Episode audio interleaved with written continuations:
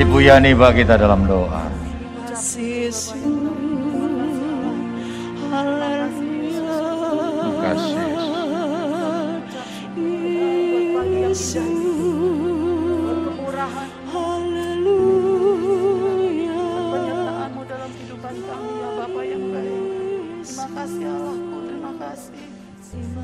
Ya yang indah ini Tuhan, kami boleh memuji memuliakan nama Engkau. Sebentar kami akan mendengarkan firman-Mu ya Bapa. Mari ya Tuhan berbicaralah kepada kami Tuhan. Bentuk kami Tuhan semakin indah pemandangan Engkau ya Bapa. Ajar kami Tuhan, ajar kami. Terus semakin melekat kepada Engkau Bapa yang baik. Terima kasih ya Bapak, terima kasih. Pak Gembala yang akan menyampaikan firman Ya Tuhan. Tuhan. Kami serahkan ke dalam tangan kuasamu ya Kuduskan Bapak. kami. Sembunyikan di belakang salibmu Bapak. Biar Amin, setiap amin, firman amin. yang boleh disampaikan Tuhan. Amin, Senantiasa amin, amin. Tuhan boleh menyenangkan hati Engkau Amin, Bapak. amin. Dan terlebih kami yang mendengarkannya ya Bapak. amin, amin, Boleh menjadikan kekuatan bagi Amin, kami amin, Tuhan. amin. Dalam menjalani hari-hari ini Tuhan. Terima kasih Bapak yang baik, terima kasih, kasih. Ajar kami Tuhan untuk senantiasa duduk de- dengar-dengaran akan firman-Mu ya Bapak pagi hari ini. Menjadi rema dalam kehidupan kami Tuhan. Semakin hari Tuhan, Kau senantiasa semakin menolong kehidupan kami Bapak yang baik. Terima kasih Allahku, terima kasih. Kami siapkan hati pikiran kami Tuhan. Hanya ke dalam tangan kuasamu Tuhan. Nama Tuhan. Di Yesus. dalam nama Tuhan Yesus Kristus. Haleluya. Amin. Amin. Puji Tuhan. Silakan duduk. Selamat pagi. Selamat kita boleh kembali bertemu dalam kasih Tuhan Kristus. Bapak Ibu Saudara diberkati pada pagi yang indah ini. Amin. Allah yang kita sembah adalah Allah yang ajaib, yang luar biasa, yang boleh menolong kita semua. Puji Tuhan. Sebelum kita mendengarkan firman Tuhan, kita akan bersama-sama mendengarkan kesaksian dari Ibu Pendeta Catherine Sondak. Beliau melayani GPDI di sekitar Kota Pati. Ya, kita akan mendengarkan kesaksiannya. Waktu dan tempat saya persilahkan. Mari.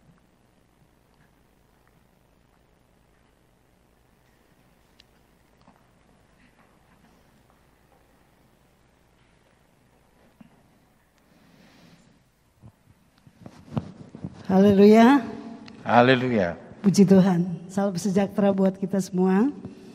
Tak lupa saya ucapkan selamat pagi, selamat kita beribadah kepada Tuhan. Puji Tuhan, saya bersyukur sekali sama Tuhan karena Tuhan begitu baik dalam hidup kami, khususnya saya. Saya juga berterima kasih buat Bapak Pendeta Agus selaku gembala dan selaku pimpinan kami sudah memberi kesempatan buat saya untuk dapat bersaksi dan terima kasih juga buat Ibu Gembala yang sudah melayani menerima di pastor luar biasa. Tadi malam sudah diajak makan dan saya sempat juga beribadah dengan wanita Esther. Puji Tuhan saudara tadi Bapak Gembala sudah bilang namanya Kartin Sondak. Puji Tuhan, saya gembala di GPD Immanuel Ngelu, Pati, saudara. Kali kedua saya ada di sini dan saya bersyukur sebab Tuhan luar biasa. Saya tadi malam bersaksi kepada wanita bahwa saya trauma ke Salatiga. Karena kurang lebih satu tahun 8 bulan anak kami dipanggil Tuhan. Saya tidak mau nangis lagi saudara. Karena anak kami satu-satunya dia sementara kuliah di UKSW saudara. Dan sempat tinggal di sini beberapa waktu dan puji Tuhan. Waktu dia dipanggil Tuhan, dia tetap setia saudara sekalipun dia capek. Pulang pergi setiap Sabtu dan dia pulang lagi di sini hari Minggu. Dia suka ibadah di sini dan dia diberkati Tuhan karena pembentukan dalam hidupnya. Dia bilang habis kuliah saya mau sekolah Alkitab. Tapi puji Tuhan rencana Tuhan lain. Dan saya bersyukur saya diberi kekuatan. Baik Bapak Gembala, Ibu Gembala tetap kuat. Saya sempat mau tinggalkan pelayanan. Saya bilang saya tidak mau melayani lagi karena satu-satu anak saya, anak kami dipanggil Tuhan. Cuma satu lagi, tapi Tuhan itu luar biasa. Pas mau masuk COVID saudara, saya lihat lebih parah lagi di dalam pelayanan karena tidak ada ibadah, baik minggu, doa selasa, ibadah kunjungan keluarga, bahkan ibadah pertengahan tidak ada saudara. Akhirnya saya berkata kepada Tuhan, Tuhan ini caranya gimana? Kalaupun mau apa training atau uh, online tidak mungkin karena jemaat kami kebanyakan tidak uh, punya HP yang bagus saudara. Mungkin mungkin juga mereka kalau mau ikuti mereka tidak terlalu tahu. Tapi puji Tuhan luar biasa Tuhan kerjakan sesuatu dalam hidup kami. Kami ambil keputusan pagi, siang, malam berdoa. Sekalipun hanya tiga orang saudara tiap saya coba berdoa. Dan memang ada doa pagi tapi lebih lagi. Sekalipun tidak ada ibadah tapi Tuhan itu luar biasa. Memberkati terus di tengah tidak ada apa-apa tapi Tuhan adakan mujizat. Dan satu saat saudara saya mendengar beberapa anak Tuhan bahkan sebelum COVID mereka berdoa. Karena gereja kami saudara tujuh kali sebelas atau dua belas kami sudah buat gereja seutuhnya dan Bapak Gembala sempat ke sana. Dan dulu belakangnya atau depan ini kami bikin pastori. Sekarang saya uh, sudah jadi mimbar dan ada podium begini dan sekarang pindah lagi, kalau bilang di depan salah, di belakang salah, pokoknya pindah di depan. Dan Bapak Gembala sempat lihat, saya berpikir gini Tuhan, dan puji Tuhan saudara, setelah ibadah, setelah mau ibadah ini, banyak anak Tuhan yang dekat di Pati di Ngalu ini mau beribadah di tempat kami karena mereka pikir jauh-jauh ngapain katanya ada gereja dan mereka suka mendengar bahwa pujian kami luar biasa dan ceramah. Ada yang dari gereja tetangga. Tapi puji Tuhan yang saya saksikan, begini saudara, waktu saya berkata Tuhan tidak mungkin lagi kalau mau buat pastori di atas. Tapi luar biasa saudara, COVID ini tetangga kami meninggal, suami istri meninggal saudara. Dan anak-anaknya memang dulu jemaat kami dan dia sudah berumah tangga, sudah punya usaha dan punya sudah punya rumah. Waktu papanya, papa orang tuanya meninggal, saya didatangi mereka. Tante, mau ndak beli tanah itu? Dalam hati saya, apakah ini sebenarnya gratis? Tapi ternyata dia bilang, puji Tuhan saudara, saya tanya berapa? Karena tanah ada bangunan. Mereka bilang, sudah 35 juta aja. Saya bingung, 35 juta. Saya tanya, enggak kurang. Tante sudah murah, tapi puji Tuhan banyak yang bilang hamba-hamba Tuhan, termasuk Bapak Gembala, muratin katanya. Murah, bu, murah bukatin. Akhirnya puji Tuhan, saya bilang kamu kasih kesempatan saya untuk cari dana atau punya uang sebanyak itu berapa bulan? Sudah sampai Desember, setengah dulu. Saya kaget, oh puji Tuhan. Dan puji Tuhan, saya hubungi Bapak Gembala, selaku pimpinanku juga saya bilang, terserah mau dengar apa enggak saya kesampaikan. Pak saya mau beli tanah, puji Tuhan Bapak Pembalar tanggapi dan dia berkata itu tanah apa? Gini gini gini, oh murah, tapi enggak punya surat, belum punya surat. Saya bilang di tetangga kami yang ngurus surat dulu uh, sertifikat tanah kami notaris tapi dia agama Katolik dia bilang sudah tante bayar aja dulu nanti suratnya saya bikin ternyata kayak gereja gereja sudah ada sertifikat dan dia bilang sudah bikin nanti saya bikin sertifikat. Puji Tuhan saudara, saya melihat cara Tuhan menyatakan kuasanya di dalam kehidupan kami luar biasa. Saya sebenarnya merasa bahwa kehilangan. Saya katakan saya tidak mampu, saya tidak sanggup kalau boleh saya pulang. Tetapi dengan begitu berjalan waktu saudara, saya ingat saudara, kalaupun ini terjadi di saat COVID anak kami betapa mengerikan, menyedihkan, tapi luar biasa. Dan Tuhan menjawab begitu cepat saudara. Sudah tiga minggu ini saya melihat banyak anak Tuhan datang beribadah. Akhirnya saya ambil kesimpulan, kita ambil kasur ini pindah saudara di dapur dan saya bilang memang di depan itu Pak Gembala sudah lihat ada kali kami buat eh, dapur di samping dan puji Tuhan ada kamar bikin sedikit kami mau pindah di sana memang luar biasa. Saya berkata Tuhan ini jawabanmu. Tuhan ambil anak saya tapi jiwa-jiwa datang saudara. Sebab itu saudara bantu kami dalam doa. Saudara berdoa agar saya tetap kuat. Saya seorang ibu yang melahirkan, melihat saudara anak saya dan saya berkata, ada seorang hamba bilang, ingat uh, anggap aja anakmu di luar negeri. Satu saat dia pulang ketemu, kita ketemu di sorga. Tapi dengan itu saya tetap berdoa. Saya berkata Tuhan terima kasih. Tuhan menjawab dan terus saya fokus. Saya lihat dengan begitu jiwa-jiwa datang. Mereka rindu dan mereka menjadi saksi. Saya dengar firman Allah tadi malam luar biasa.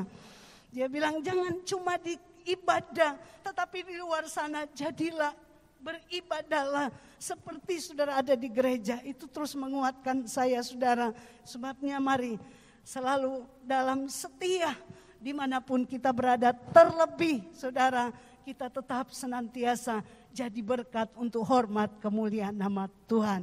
Puji Tuhan, inilah kesaksian saya sekali lagi bantu kami dalam doa dan Tuhan memberkati kita semua di mana kami dapat melayani Tuhan. Saya serahkan kepada Bapak Gembala Tuhan memberkati. Amin. Iya, puji Tuhan kita sudah mendengarkan kesaksian yang betapa luar biasa, indah. Mungkin 9 tahun yang lalu ya, 8-9 tahun yang lalu kita pernah dengan Kompria ya, Kompria-Kompria yang masih lama di awal-awal gitu ya, kita mungkin pernah ingat kita pernah pelayanan di sana ya, pelayanan di sana, tidak di dalam gereja karena gerejanya pada waktu memang masih kecil ya. Hai puji Tuhan, Tuhan tolong dalam proses-prosesnya kita doakan supaya nama Tuhan boleh dipermuliakan. Puji Tuhan langsung saja kita akan bersama-sama menikmati firman Tuhan pada pagi yang indah ini temanya bermegah dalam kelemahan. Nah ini luar biasa sudah ya.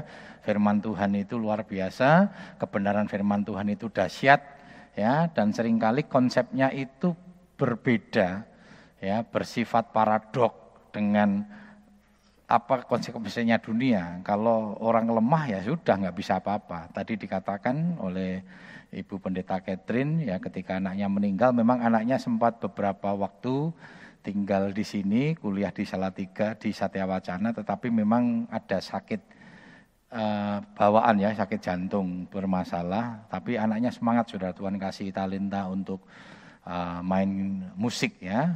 Uh, waktu itu sempat kuliah tetapi drop memang harus kembali pulang, sempat cuti tetapi sempat kuliah sudah ya, kuliah lagi dan kalau sore boleh ibadah di tempat kita. Tetapi itulah rencana Tuhan. Di tengah kelemahan kita ternyata ada rancangan Tuhan yang luar biasa. Mari kita sama-sama melihat dalam 2 Korintus 12 ayat 8 hingga ke 10 saya undang kita bangkit berdiri bersama-sama.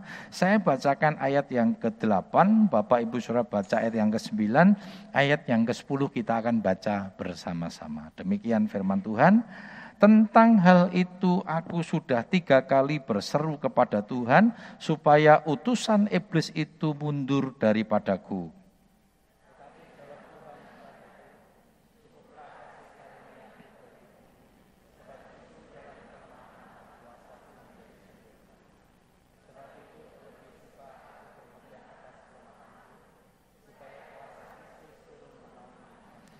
Karena itu aku senang dan rela di dalam kelemahan, di dalam siksaan, di dalam kesukaran, di dalam penganiayaan dan kesesakan oleh karena Kristus. Sebab jika aku lemah, maka aku kuat. Puji Tuhan, silakan duduk. Ini pernyataan Paulus, saudara. Ya, kita tahu di ayat sebelumnya dikatakan Paulus itu diberikan duri dalam daging.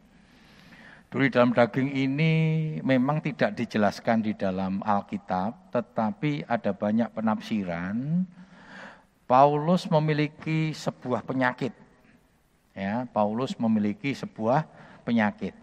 Bahkan dikatakan sudah dia sering kali digocok ya, sekali uh, sering kali dia uh, tiga kali bahkan dikatakan dia mengalami betul-betul digocok oleh duri dalam daging itu. Mungkin kalau itu penyakit berarti kalau bahasa sekarang ya dia mengalami anfal saudara ya. Ya mengalami anfal sampai tiga kali. Dan tiga kali dia berdoa sama Tuhan. Supaya duri dalam daging itu dilepaskan. Duri dalam daging itu dilepaskan. Tapi apa firman Tuhan katakan? Cukupkanlah kasih karuniaku bagimu. Artinya apa?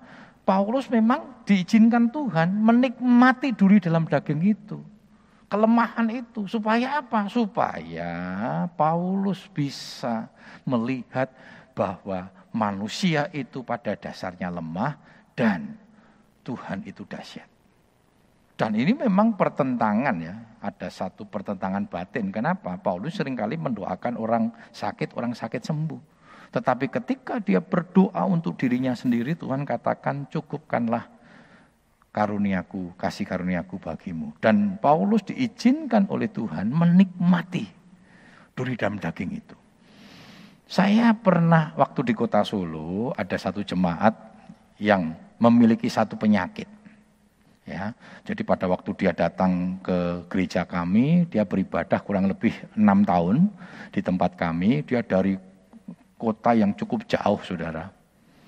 Ya, perjalanannya satu setengah jam dari kotanya menuju ke tempat kami. Saya sempat katakan kepada keluarga ini, sudahlah ibadah di kotamu. Sebab di kotanya ada GPDI. Bahkan ketika dari kotanya menuju ke kota Solo, itu mungkin ada 30 GPDI yang dilewati.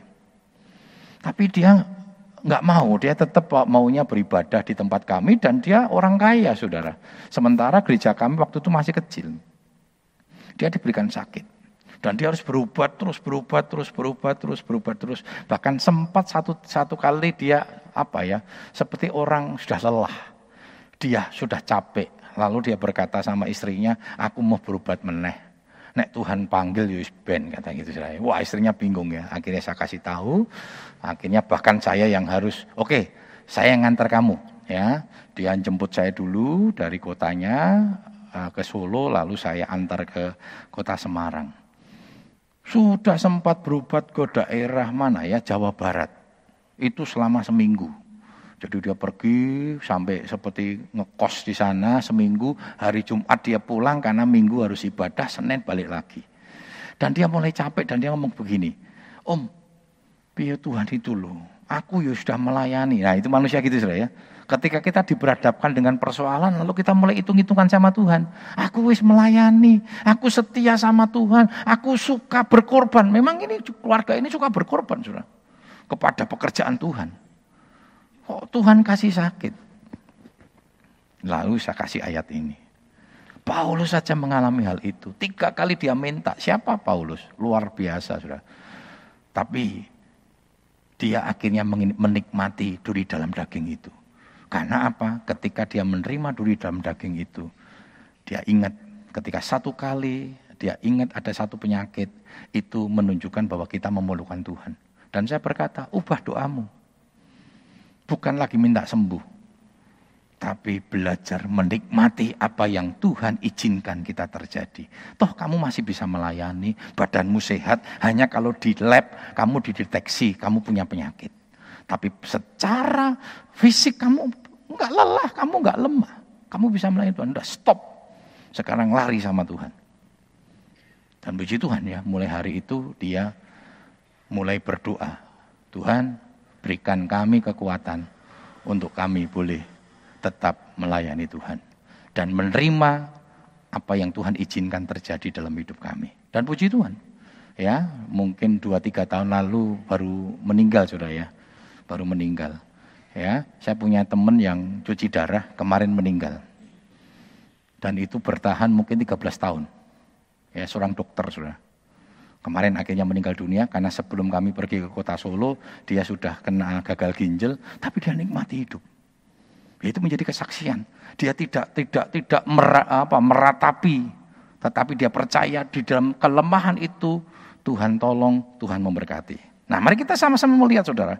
Kelemahan dapat mengakibatkan kita belajar merendahkan diri.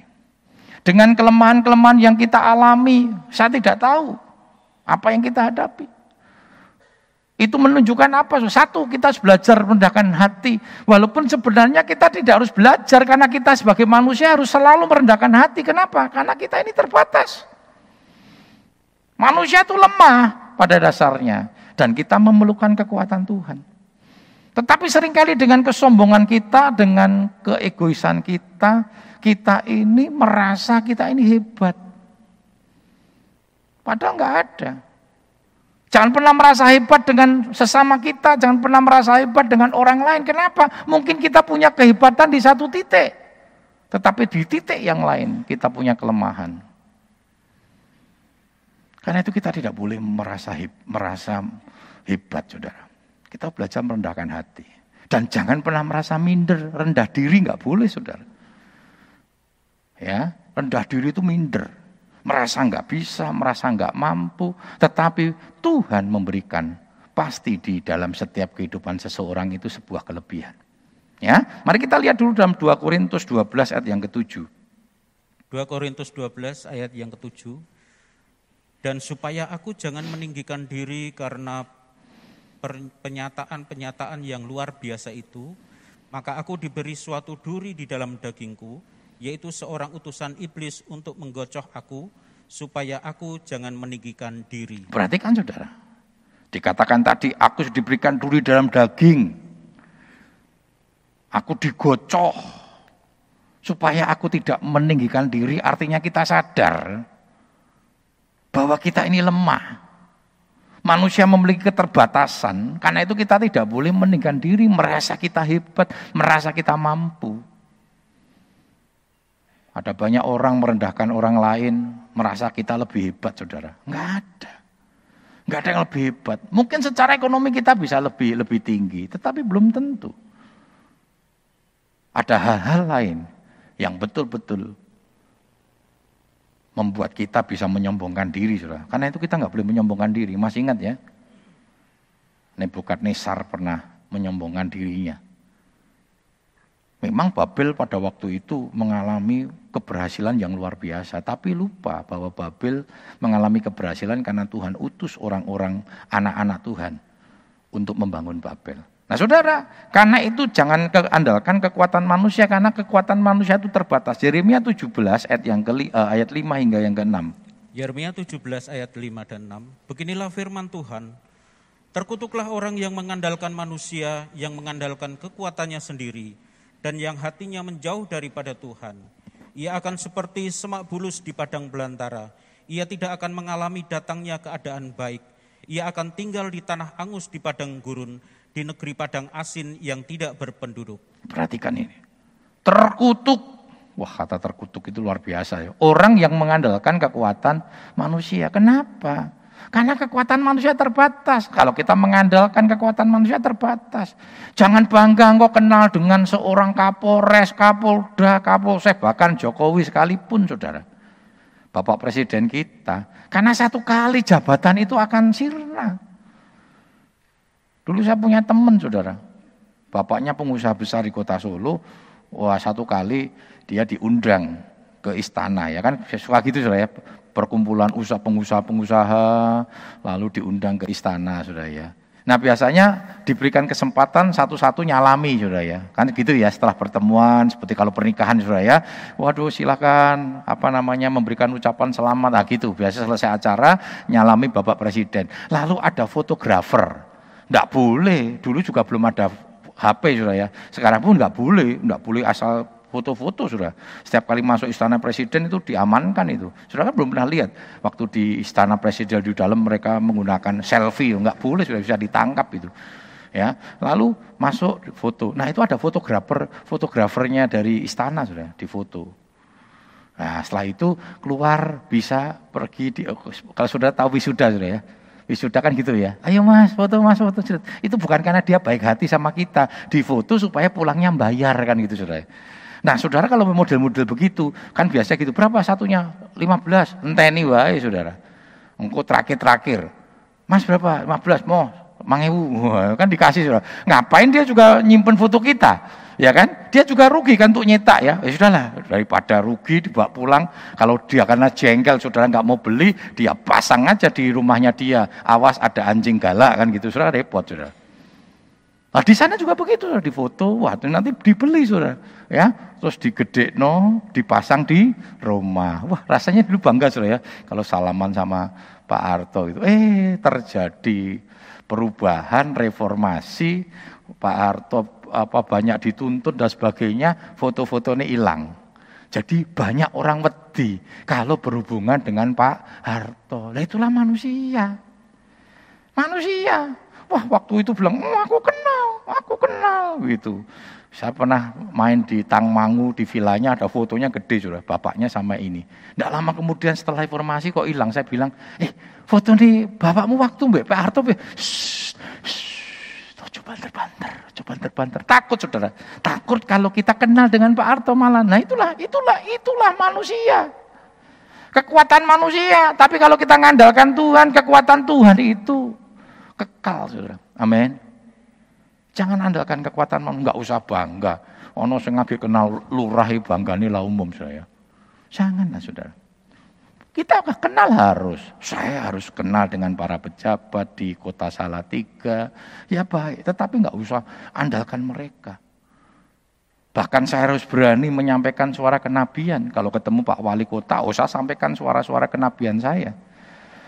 Ketika ketemu dengan ketua DPRD, saya akan sampaikan suara kenabian. Pada waktu Pak Teddy dulu menjabat ketua DPRD, saya cukup dekat dengan beliau. Dan ketika kami e, mau mengantar tim Pesparawi ke kota Solo, ya diundang oleh ketua DPRD, istilahnya kita berpamitan, saya oleh tim Pesparawi kota Salatiga diminta mendampingi mereka. Lalu oleh asistennya dipanggil, bagus, Dipanggil bapak ke kantor. Saya pernah masuk di kantor ketua DPRD, saudara. Waktu masuk dia ngomong begini, hanya Pak Agus pendeta satu-satunya nggak pernah datang ke kantor saya. Saya bilang, ya yo sing liyane mesti jalur duit toh. Nek aku ora Gustiku sugih saya bilang. Tuhan saya kaya. Terus dia bilang, dari sinilah Pak Pendeta Agus, saya memikirkan kota Salatiga. Oh, ruangannya gede sudah, bisa melihat ke jalan. Sudah kalau lihat kota apa DPRD itu ya, pas ada kaca lantai itulah kantornya dia. Saya bilang begini, sing penting kamu harus memikirkan kota Salatiga dengan sesuai dengan firman Tuhan. Saudara sampaikan suara kenabian. Ya, jangan andalkan kekuatan manusia. Bukan berarti kita tidak menghormati mereka, kita harus memberikan penghormatan. Selanjutnya kita akan melihat yang kedua, kelemahan dapat mengakibatkan apa? Ya, kelemahan manusia kalau tak pertama tadi kita belajar untuk merendahkan hati, memang kita harus merendahkan hati karena tidak ada sesuatu yang dapat kita banggakan. Yang kita banggakan hanya Tuhan karena kemuliaan itu milik Tuhan, Saudara. Yang kedua, kelemahan dapat mengakibatkan kita kita melihat kemuliaan Allah. Ada banyak orang tidak dapat melihat kemuliaan Allah karena karena apa? Karena mereka sombong. Next. Ya, dilanjut. Ya, jadi banyak orang tidak bisa melihat melihat uh, apa namanya? kemuliaan Allah karena orang itu tidak merendahkan hati. Dengan sombong bagaimana dia bisa melihat kemuliaan Allah? Karena dengan sombong dia mengandalkan kekuatan manusia sementara Tuhan berkata terkutuk. Dan orang-orang yang mengandalkan kekuatan manusia itu akhirnya hancur. Banyak orang sudah ya yang sombong ya. Coba lihat di apa di YouTube ya. Itu Trans TV kalau nggak salah. Hotspot itu ya. Seringkali dia memunculkan ada orang-orang yang menentang Tuhan akhirnya mati. Ya. Saya punya kesaksian itu uh, Bapak Ida Bagus Mamantaka yang melayani GPDI Karangjati sudah ya. Dia waktu itu baru membangun apa uh, renovasi gereja ya, renovasi gereja Saudara. Lalu sementara renovasi uh, sementara tukangnya baru merenovasi gereja, dia nyanyi menyembah kepada Tuhan. Dia memuji Tuhan, dia mengagungkan Tuhan Saudara. Oh, lalu mulai berbahasa roh. Ya, mulai menyembah, making melodi begitu. Tukangnya Saudara melu-melu, tapi kau yang ngenyek sudah, gitu sudah. Kau ngenyek. Eh Tuhan utus utus tawon lu saudara. Ngentup kok iso ngentup lambene lu saudara. Langsung bibirnya dintup saudara. Sama tawon. Lu ini betul kejadian sungguh. Melentung sudah, bengkak. Sampai akhirnya dia datang sama apa besoknya datang sama Bapak Ida Bagus Mawantaka minta ampun minta ampun didoakan karena lu kenapa lah ini melentung kenapa lambemu waduh besar saudara ya Ya dia ceritakan sudah. Saya sudah menghina, ngenyek, ngeledek waktu Bapak kemarin menyembah Tuhan. Loh sudah jangan main-main dengan kuasa Tuhan. Jangan hati-hati loh sudah. Jangan main-main dengan kuasa Tuhan. Ya. Mari kita sama-sama melihat dalam 2 Korintus 12 ayat yang ke-9. 2 2 Korintus 12 ayat 9. Tetapi jawab Tuhan kepadaku, cukuplah kasih karuniaku bagimu, sebab justru dalam kelemahanlah kuasaku menjadi sempurna. Sebab itu terlebih Jarang ada kita, ada orang tua menghantar anaknya ke, ke liang kubur. Tapi kali ini diberikan kesempatan. Oh, wong edan iki. Kecuali menghantar melihat anaknya wisuda, lah itu ya benar. Menghantar ke liang kubur itu siapa yang mau? Bahkan anak pun kalau bisa nggak mau, sudah ya. Saya bilang kamu tuh, aduh ngaco. Saya bilang, enggak saya memberikan kata-kata pembangunan. Oh, kata-kata menghancurkan itu saya bilang, wah tambah nangis guru-guru. Nggak ada yang mau sudah. Berat saya kira percaya berat, tidak mudah. Tapi kita dengarkan kesaksian di tengah itu bukan berarti, wah ngono anak dijoli, dijoli mbak jiwa. Bukan itu sudah, bukan itu. Tapi kalau kita bisa melihat dalam kacamata Tuhan itu, kadang Tuhan izinkan itu terjadi. Tapi kita melihat bagaimana Tuhan senantiasa memuli, uh, memuliakan ya. Kemuliaan Tuhan dinyatakan dalam kehidupan kita. Saudara, penderitaan karena diizinkan Tuhan akan berakhir dengan keindahan. Segala kesesakan, penderitaan, kelemahan-kelemahan yang kita alami dan itu diizinkan oleh Tuhan, itu akan membawa kepada satu titik yaitu keindahan. Karena itu nikmati prosesnya Tuhan. Ya, tetapi kita harus cek dan dicek. Apakah kesesakan, penderitaan, kelemahan itu terjadi karena kesalahan kita? Kalau itu terjadi karena kesalahan kita, kita minta ampun sama Tuhan. Kita bertobat. Tetapi kalau itu terjadi karena Tuhan izinkan, nikmati saja. Karena proses-proses itu akan membawa kita kepada satu titik, titik itu namanya keindahan. Ya, coba kita lihat dalam Pengkhotbah 3 ayat 11, ayat yang cukup sering kita dengar. Pengkhotbah 3 ayat 11. Ia membuat segala sesuatu indah pada waktunya, bahkan ia memberikan kekekalan dalam hati mereka. Tetapi manusia tidak dapat menyelami pekerjaan yang dilakukan Allah dari awal sampai akhir. Perhatikan saudara, Tuhan membuat segala sesuatu indah pada waktunya. Allah tidak merancangkan sesuatu yang jahat untuk hidup kita. Yakobus katakan, jangan sesat. Pemberian yang itu datangnya dari atas. Tuhan tidak pernah merancangkan sesuatu yang jahat untuk hidup kita dan rancangan Tuhan selalu indah.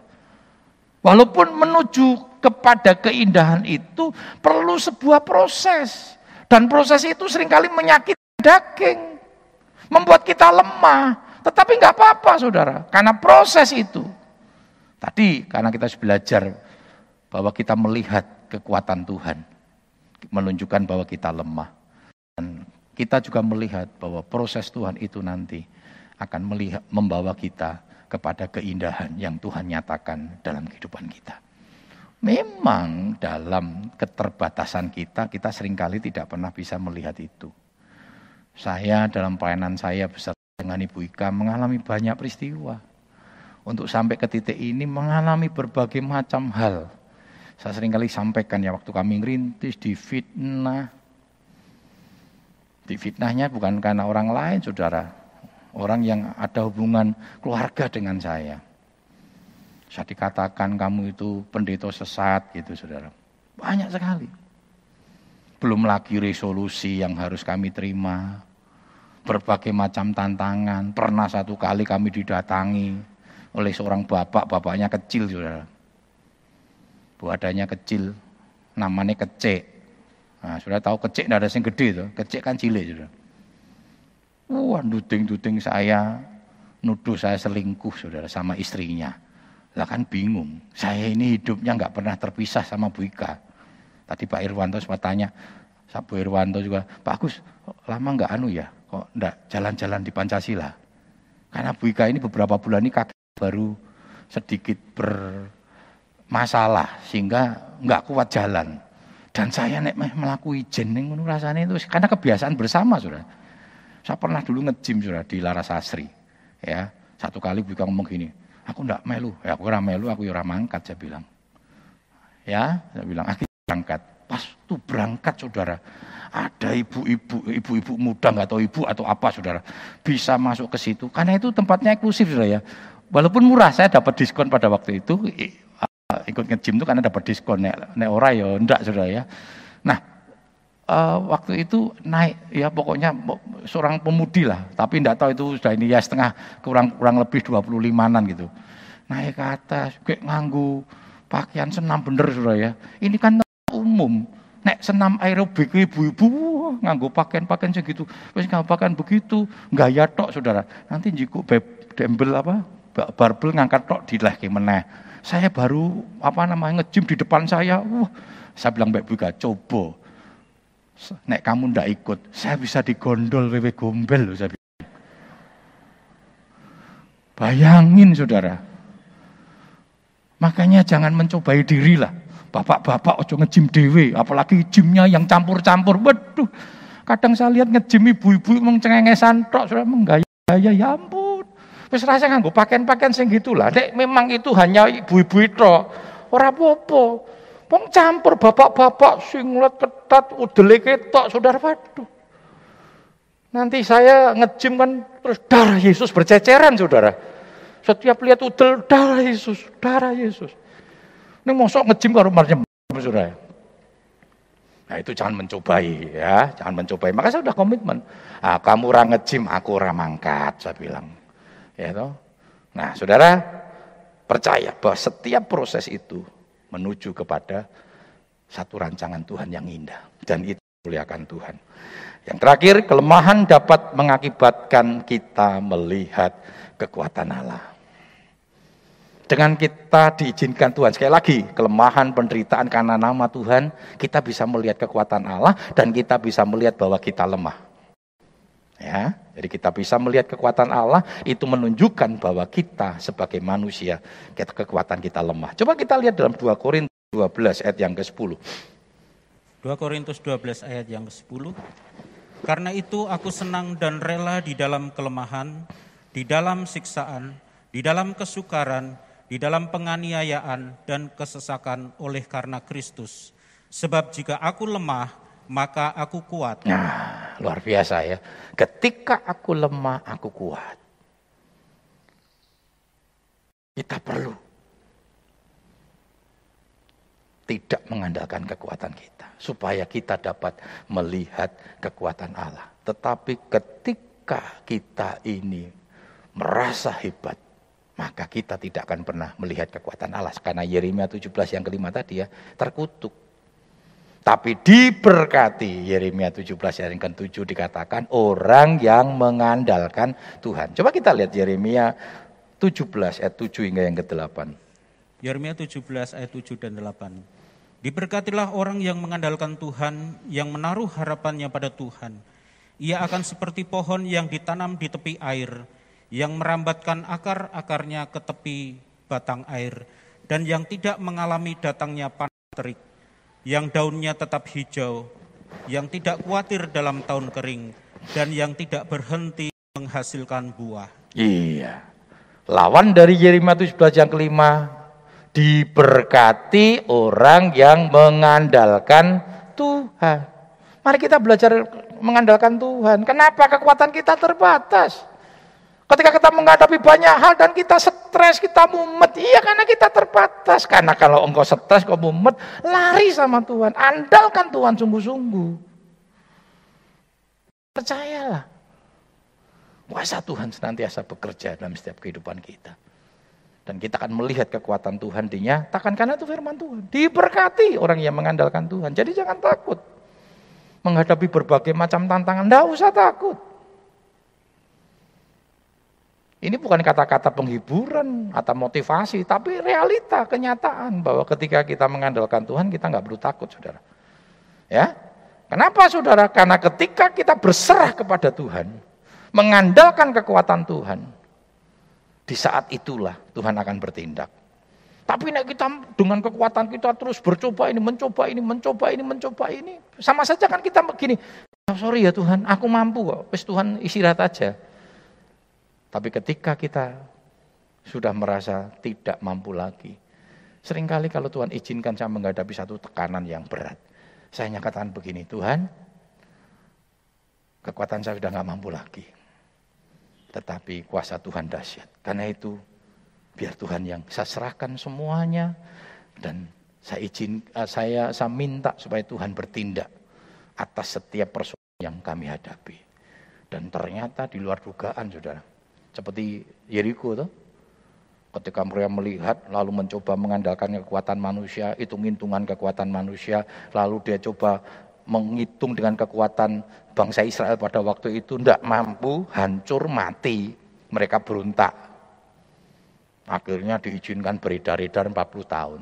40 tahun kemudian ketika mereka berserah sama Tuhan. Luar biasa. Hanya suruh melilingi tok selama tujuh hari selama enam hari sekali, hari ketujuh suruh melilingi tujuh kali, enam kali, setelah tujuh kali mereka bersorak, berak. Kalau Tuhan bertindak, cara Tuhan itu dahsyat, Tuhan punya sejuta cara, bahkan lebih tak terbatas cara Tuhan untuk mengerjakan sesuatu yang rasanya itu mustahil, tetapi Tuhan bisa kerjakan karena Allah kita luar biasa. Coba kita lihat dalam Mazmur 37 ayat yang kelima dan enam. Mazmur 37 ayat 5 dan 6. Serahkanlah hidupmu kepada Tuhan dan percayalah kepadanya dan ia akan bertindak. Ia akan memunculkan kebenaranmu seperti terang dan hakmu seperti siang. Perhatikan saudara, kalau kita berdiam, Tuhan akan bertindak. Dan apa sudah dikatakan? Dia akan memunculkan kebenaranmu seperti terang dan hakmu seperti siang. Banyak kita mengalami kelemahan, kesesakan. Karena kita dipersalahkan, kita dituduh, disolimi. Enggak apa-apa, tenang-tenang saja, serahkan sama Tuhan. Dan satu kali kebenaran itu akan dimunculkan dikatakan ya, seperti terang Terang nggak pernah bisa ditutupi. Ingat Yusuf diperlakukan tidak adil oleh saudara-saudaranya, difitnah oleh apa namanya juraganya saudara. Kita lihat, saya yakin percaya itu Potifar mesti lenger saudara ketika Yusuf dijadikan raja muda. Tapi kan kita tidak melihat Yusuf terus lorati, terus dia dia datang itu dulu mitnah saya ya, nyonya Potifar. Wah, tak penjoro genten. Enggak ada, dia enggak balas dendam. Dia juga tidak balas dendam sama saudara-saudaranya. Saudara-saudaranya stres sudah kalau tahu itu Yusuf. Waduh, dia takut saudara. Tapi Yusuf katakan enggak usah takut. Karena ternyata karena kamu membuang saya, kamu menjual saya ke Potifar. Itu adalah bagian dari rencana Tuhan untuk Yusuf itu dimuliakan dan bisa memelihara keluarganya yang ada di Israel. Wah luar biasa. Saudara. Ya, jadi jangan takut saudara. Kalau engkau hari-hari rasanya disakiti, tersolimi, ya saya ini sudah terbiasa tersolimi saudara. Kenapa tetap kuat? Karena serahkan sama Tuhan. Balas tidak boleh karena firman Tuhan ngomong apa? Pembalasan itu hakku. Lalu balas apa menyelesaikan masalah? Tidak. Akhirnya balas-balesan selesai. Serahkan sama Tuhan. Karena firman Tuhan juga ngomong, diberkati orang-orang yang memberkati engkau, tapi dikutuk orang-orang yang mengutuk engkau. Serahkan semuanya sama Tuhan, percayalah. Rancangan Tuhan itu indah. Ya, Saya tidak tahu apa yang sedang kita hadapi, kelemahan-kelemahan pada hari-hari ini. Tapi biarlah kita serahkan semuanya kepada Tuhan. Dan percaya kelemahan itu akan membawa kita Belajar terus untuk merendahkan hati. Dan harus kita merendahkan hati karena tidak ada sesuatu yang dapat kita sombongkan sebenarnya. Yang kedua, kelemahan itu membuat kita melihat kemuliaan Allah. Dan yang ketiga, kemuliaan itu membuat kita melihat kekuatan Tuhan yang tidak ada taranya.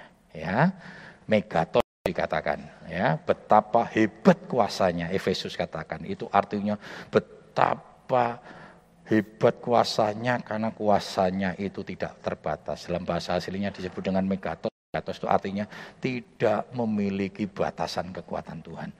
Karena itu andalkan kekuatan Tuhan yang tidak terbatas itu. Ibu indah Pak kita dalam doa. Puji syukur kami naikkan